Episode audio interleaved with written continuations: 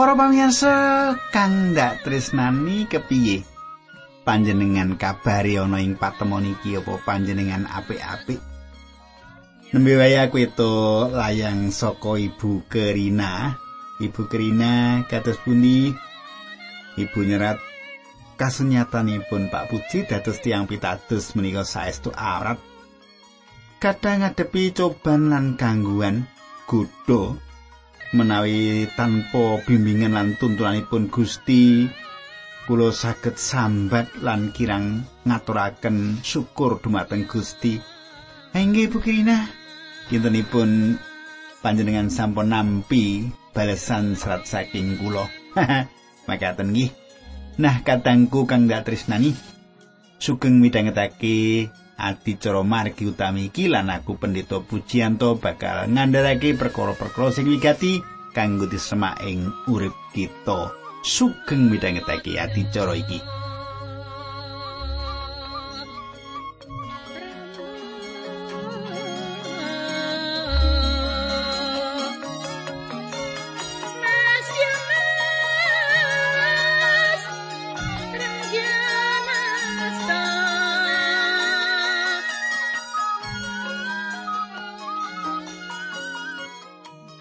Katangku, ing andaran kepungkur mbok menawa panjenengan isi kelingan apa sing ndak aturake marang panjenengan, kepungkur kita wis deleng kepriye anggone balak ngundang William supaya ngesotake utawa ngipati-pati Israel. Nanging kepiye sebanjure? Monggo kita ndedonga dhisik sadurunge aku nerusake. Duh Kanjeng Rama ing swarga kawula ngaturaken gunging panuwun menawi wekdal menika kawula saged tetunggilan kalian sedherek kawula lan midhangetaken sabda pangandikan paduka. Kawula nyuwun Gusti njepati kawula sami linambaran asmanipun Gusti kawula Yesus Kristus. Kawula netunggal haleluya amin.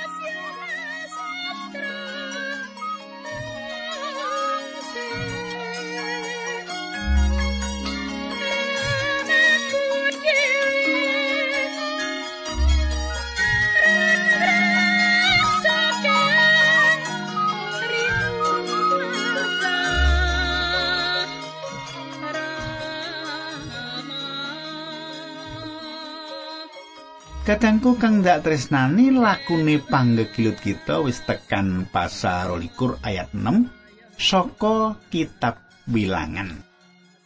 Saiki tak wacake ayat pitu. Para panggedene wong Moab lan wong Midian mau nuli padha budal karo nggawa opahe Biliam. Banjur padha nemoni Biliam lan ngandhake apa sing diwelingake dening Raja Balak. Kadangku panjenengan perso Biliam iki juru ramal sing wis misuwur. Mulane balak nawani kanthi rega ramalane sing dhuwur banget ajine. Ayat 8, Biliam mangsuli, saenipun panjenengan sami tilem ngriki kemawon. Bijing-injing kula badhe nyariosaken menapa ingkang kedhawaken dening pangeran dhateng kula. Para utusane Moab mau ya banjur padha nginep ing kono. Katengku, Katone Biliam kanthi jujur arep ngandhakake marang para abdine bala iki. Apa to sing didhawuhake Allah marang dheweke?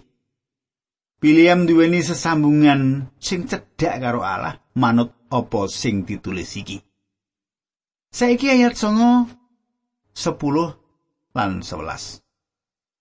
Gusti Allah banjur ngrawuhi Biliam sarta ndang wong-wong sing padha nginep ing omahmu kuwi sapa?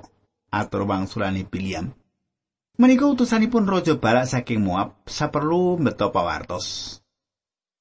Pilih wonten satunggalipun bangsa dateng saking Mesir. Tiang-tiangipun sumebar ing negari Moab ngriku, Raja Balak ngersakaken supados kula ngipati-pati bangsa ingkang dateng saking Mesir wau, supados saged dipun kawonaken lan dipun tundung saking ngriku. Coba panjenengan gatekake, Biliam bisa matur kanthi merdika marang Allah. Ayat rolas lan rolas pangandikani Allah marang Biliam kuwi aja melu mrono lan ngipati-pati wong Israel mergo bangsa kuwi wis ndak berkahi Esuke Biliam ketemu maneh karo para utusane Balak banjur kono panjenengan sami wangsul kemawon. Gusti Allah mboten marangaken kula tumut mriku kalian panjenengan. Kadangku Biliam pancen abdine Gusti kang jujur. Abdi Gusti kang jujur. Gusti Allah ngendika ngene dikandhake ngene, Gusti Allah ngendika ngono dikandhake ngono. Gusti Allah ora marangake melu balane balak iku diaturke dikandhake marang utusan mau. Panjenengan sami wangsul kemawon, Gusti Allah mboten marangaken kula tumut mriku kalian panjenengan.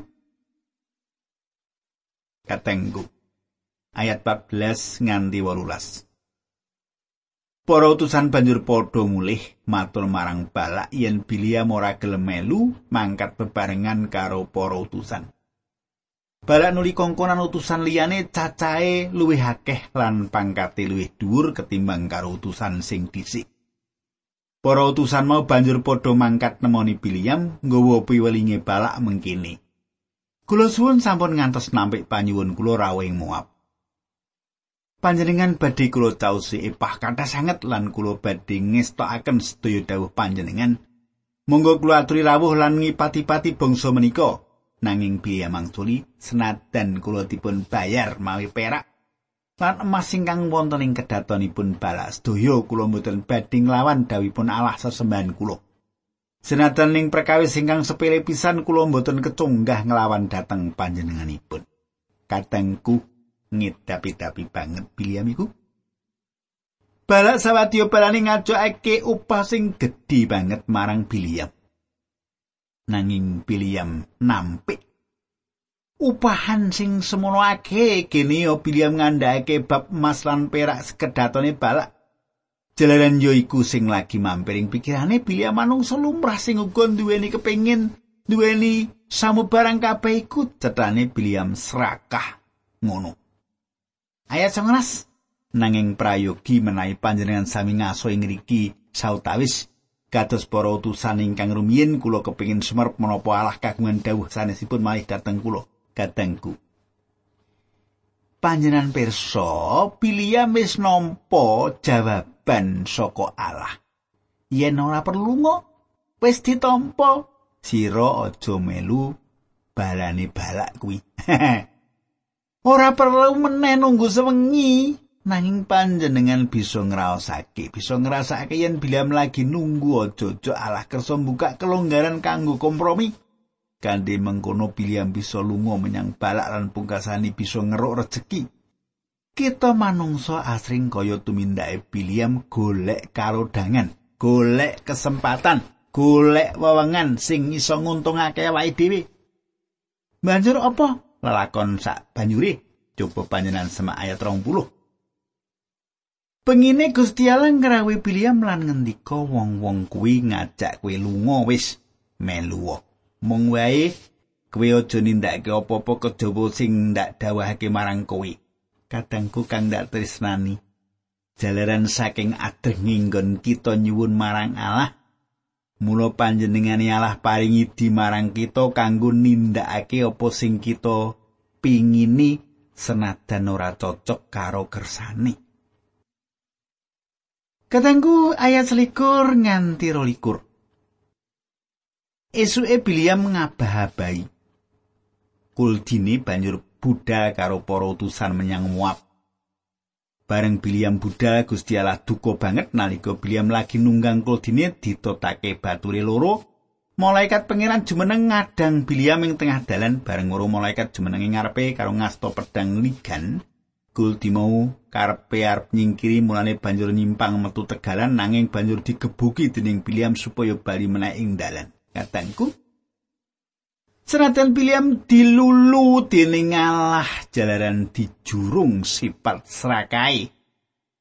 Mula William lunga barengi wong-wong Moab. Ya iki cara uripe William nuli Allah ndawi malaikat nanging William ora bisa ngerti apa sing dadi kersane Allah. William ora duweni daya panggrayange roh. Ayat 4 nganti 17 Nanging malaikat mau banjur jumeneng ing dalan sing ciut sing kiwa tengene ana temboke watu ing antarane kebon anggur. Nalika kultima weruh malaikate pangeran banjur mlaku mepet ing tembok watu nganti sikile Biliam kebarut. Kuldine nuli digebuki meneh. Malaikate pangeran banjur saya nyedak lan jumeneng ing panggonan sing luwih ciut banget nganti wong liwat ora bisa nyimpang nyiwa utawa nengen. Bareng weruh malaikat pangeran jumeneng ana ing ngarepe, Kuldi mau banjur ndeprok. Pilihan nesu banget Kuldine nuli digebuki meneh nganggo tekeni. Ayat 28 Gusti Allah banjur mbikak cangkeme Kuldi mau wusana Kuldi mau bisa caturan Ceratune Kuldima marang Biliam kula nglampahi menapa dene panjenengan gebaki ngantos rambah 3. Kadangku iki carane Allah. Iki carane Allah. Ngagem sawijining perkara sing ngidapi-dapi supaya Biliam ngerti apa kersane Allah coba to panjenengan kali ana ing ngatasi bagal kulti wae kok iso omong. Lah iki rak saka anggone budheke si Biliam iki to. Panjenengan ya mengkono kuwi nek wis atine wangkot ana mukjizat nganti panjenengan ora ngerti.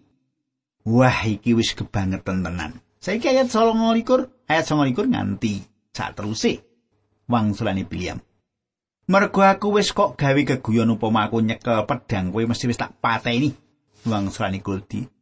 menapa mboten sampun dangu nggen kula ngabdi dados kul dititian panjenengan menapa nate kula mbangkang dateng panjenengan ora tau bangsulane Biliam Gusti Allah nuli mbika mripate Biliam mula weruh malaikate pangeran jumeneng ing ngarepe ngasta pedang ligan Biliam banjur sujud sumengkeming bumi ayat 32 nganti 34 pangandikane malaikat mau yo gene kul dimukok gebuki nganti ping telu tekaku arep nyegah supaya kowe aja sida lunga. Bejo dene kuldimu weruh aku lan minggir nganti ping telu yen ora kowe mesti wis ndak pateni lan kuldimu ndak slametake. Atur wangsulane Biliam kula sampun nglampahi dosa. Kula mboten mangertos bilih paduka jumeneng wonten ing tengah margi nyegati lampah kula menawi kula mboten kepareng kesah kula badhe wangsul kemawon. Ayat 35 nanging malaikat pangeran ngendika terus nolakumu melu wong-wong kuwi. nanging pomo kowe ora kena guneman yen ora ndak dawi. William nuli nol sakel lakune karo para utusane bala. Kadangku coba panjenengan gatekake. Malaikate pangeran dawuh supaya mengucap apa sing didhawuhake Allah wae aja ngucap perno-perno ya William kowe ngucap apa sing tak dawuhke nek aku ora dawuh kowe meneng wae abot malahan si William iki. Nggih ta? Nggih ta?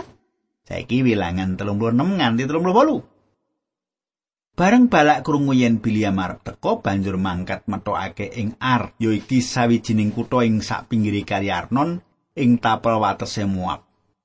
Pangucape balak marang Biliam, kenging menapa panjenengan mboten rawuh nalika kula aturi ingkang sepisan? Menapa panjenengan nginten bilih kula mboten saged nyaosi epah ingkang murwat? Wangsulane Biliam, menika mboten sisah dipun rembak. Cekakipun kula sampun dumugi ngriki nanging kula mboten kepareng guneman sekecap-kecapo menawi mboten angsal dawuh saking Gusti Allah. Ayat 39 nganti 41 Biliam banjur diajak menyang kutha Huset. Ana ing kono balak nyembelih sapi lan wedhus gembel. Dagingi salong ana sing diweneke Biliam lan para panggedhi sing dadi kancane. Esuke Biliam digawa balak menyang gunung Bamot Baal. saka panggonan kono Biliam bisa weruh bangsa Israel sak perangan. Kadangku balak nganti Biliam menyang pucuk ing gunung supaya bisa ndeleng mangisor lan ngerti nggone Israel padha kemah. Wilangan 13 ayat pitu nganti rolas. Saiki kita ngancik ing kitab wilangan pasal telulikur. Pilihan banjur medar wangsit mengkene saka aram pegunungan sisih wetan kono aku diundang balak raja ing Moab sembungi teko aku dongakno Israel ipati-patono apa aku bisa ngipati-pati yen Gusti Allah berkahi apa aku bisa ngalang-alangi yen Gusti Allah ngrujuki? Saka gunung nggonku nyawang katon cetha gawang-gawang. Bangsa pilihane Allah ora tau sepi ing berkah. Umat Israel cacahe kaya lebu. Sapa bisa ngitung iku? Yen wis tekan ajalku kapunduta kaya umatmu miturut ing sabdane Allah. Patiku bakal kelawan sumarah. Bala banjur kondo karo Biliam kok mekaten carios panjenengan dateng kula mongko panjenengan malah berkahi piyambakipun Bangsulne Biliam, kula namung saged ngucapaken menapa ingkang kedawan dening pangeran. Katangku, ing pamaca sing luar biasa tumrap Israel. Panjen ukara ukara mau ora dikepingini dening balak diucapake dening Biliam. Balak ora marmat ini mula banjur nganti meneh Biliam menyang pucuk ing gunung Pisga. Saka kono balak ngobar korban obaran saka panggonan iku Biliam lan balak bisa ndeleng mangisor ngulati kahanan kemah Israel lan sepisan meneh Allah rawuh manggi Biliam lan ngendika marang Biliam supaya ngucapake apa sing dadi kersane Allah. Bilangan 13 ayat 18. Biliam banjur medhar wangsit mengkini balak bin Sepor maju mrene rungokno pawartane ayat 19 Allah dudu menungso sing seneng dura lan gampang sulaya. Yen Allah janji mesti ditetepi. Yen ngendika mesti nyoto. aku didhawuhi berkahi.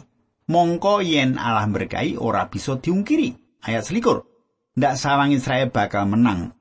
Ora ana sing bisa nyegah mergo sing disembah mung Allah. Menyangon diparani Allah ngetotake tansah diwartakake yen Allah iku rajani. Ayat 22 nganti 24 Saka Mesir diri dening pangeran yen perang kaya banteng alasan, daya gaib ilmu peteng dukun apa ora mempan malah lumpuh nglawan bangsa sing kalok dijangkung Allah lawan elok. Bangsa kuwi kaya singa sekti, mungsuhe ditubruk getihe diombe yen mungsuhe durung mati durung leren panglawane. Katangku sepisan maneh. Biliam berkahi Israel. Pancen gamblang banget apa sing dadi dawi Allah. Yen Biliam ora dikeparengake ngipati-pati Israel. Sebanjure Biliam tumindak kanthi lelimbangan pikiran lan atine dewi. Ana kadurakan ing sadrone kemah. Duraka sing arupa dosa iku cetha. Nuli Biliam duweni panemu Allah kudu paring paukuman marang Israel. Jalaran wis padha gawe dosa lan panemu kalumrahane manungsa pancen ya kaya iku. Ngukum sakabeh dosa sing ditindakake. nanging ana sawijining kayekten sing ajine luwih dhuwur ketimbang kayekten saka pikirane manungsa yaiku kayektene Sang Kristus. Gusti ora bakal paring paukuman marang sapa wae sing wis ana sengkerane Sang Kristus jalaran paukuman wis dilampahi dening Sang Kristus piyambak. Pancen donya ora ngerti bab iku mau, Biliam duweni pikiran yen dosane Israel kudu dihukum dening Allah yen Gusti Allah nganti ndawake paukuman marang Israel, Biliam bakal ngeruk untung saka balak. Pancen Biliam ora ngerti apa iku kayektene Allah. Yen wong percaya nindakake dosa, dumunung ana ing pamardine astane Allah, ora ana ing ganjaran paukumane Allah. Kisana kita wis mlebu ing pasal 24 ora krasa. Panjenengan sinau akeh iki. Bab 22 bab 23 nganti bab 24 saiki bab 24 ayat 1 loro mangkene surasane Saiki Biliam wis ngerti yen kersane Gusti Allah kuwi Biliam supaya berkahi bangsa Israel. Mulane ora lunga neges marang kersane Allah kaya sing wis-wis Biliam ngawasake pesamunan. Nuli weruh palerene bangsa Israel sing padha masang kemah mitra turun lan talere dewi-dewi roe pangeran nuli nguwaosi Biliam kadangku. Ana kahanan sing ngidapi-dapi roe Allah nguasani Biliam panjenengan semak mau? Saiki ayat telu nganti 6 Mulane Biliam banjur medar wangsit mengkene iki Biliam bin Beor aweh tondo wong wicaksana aweh pawarto Aku diparingi krungu sabdane Allah sing lugu kelawan moto tinar buka aku weruh wahyune Allah kang maha kuwasa kemah-kemahe katon apik. He Yakub ya papan padununganmu he Israel. Kaya lebak kang gumlar kaya taman ing pinggiring kali kaya wit gaharu.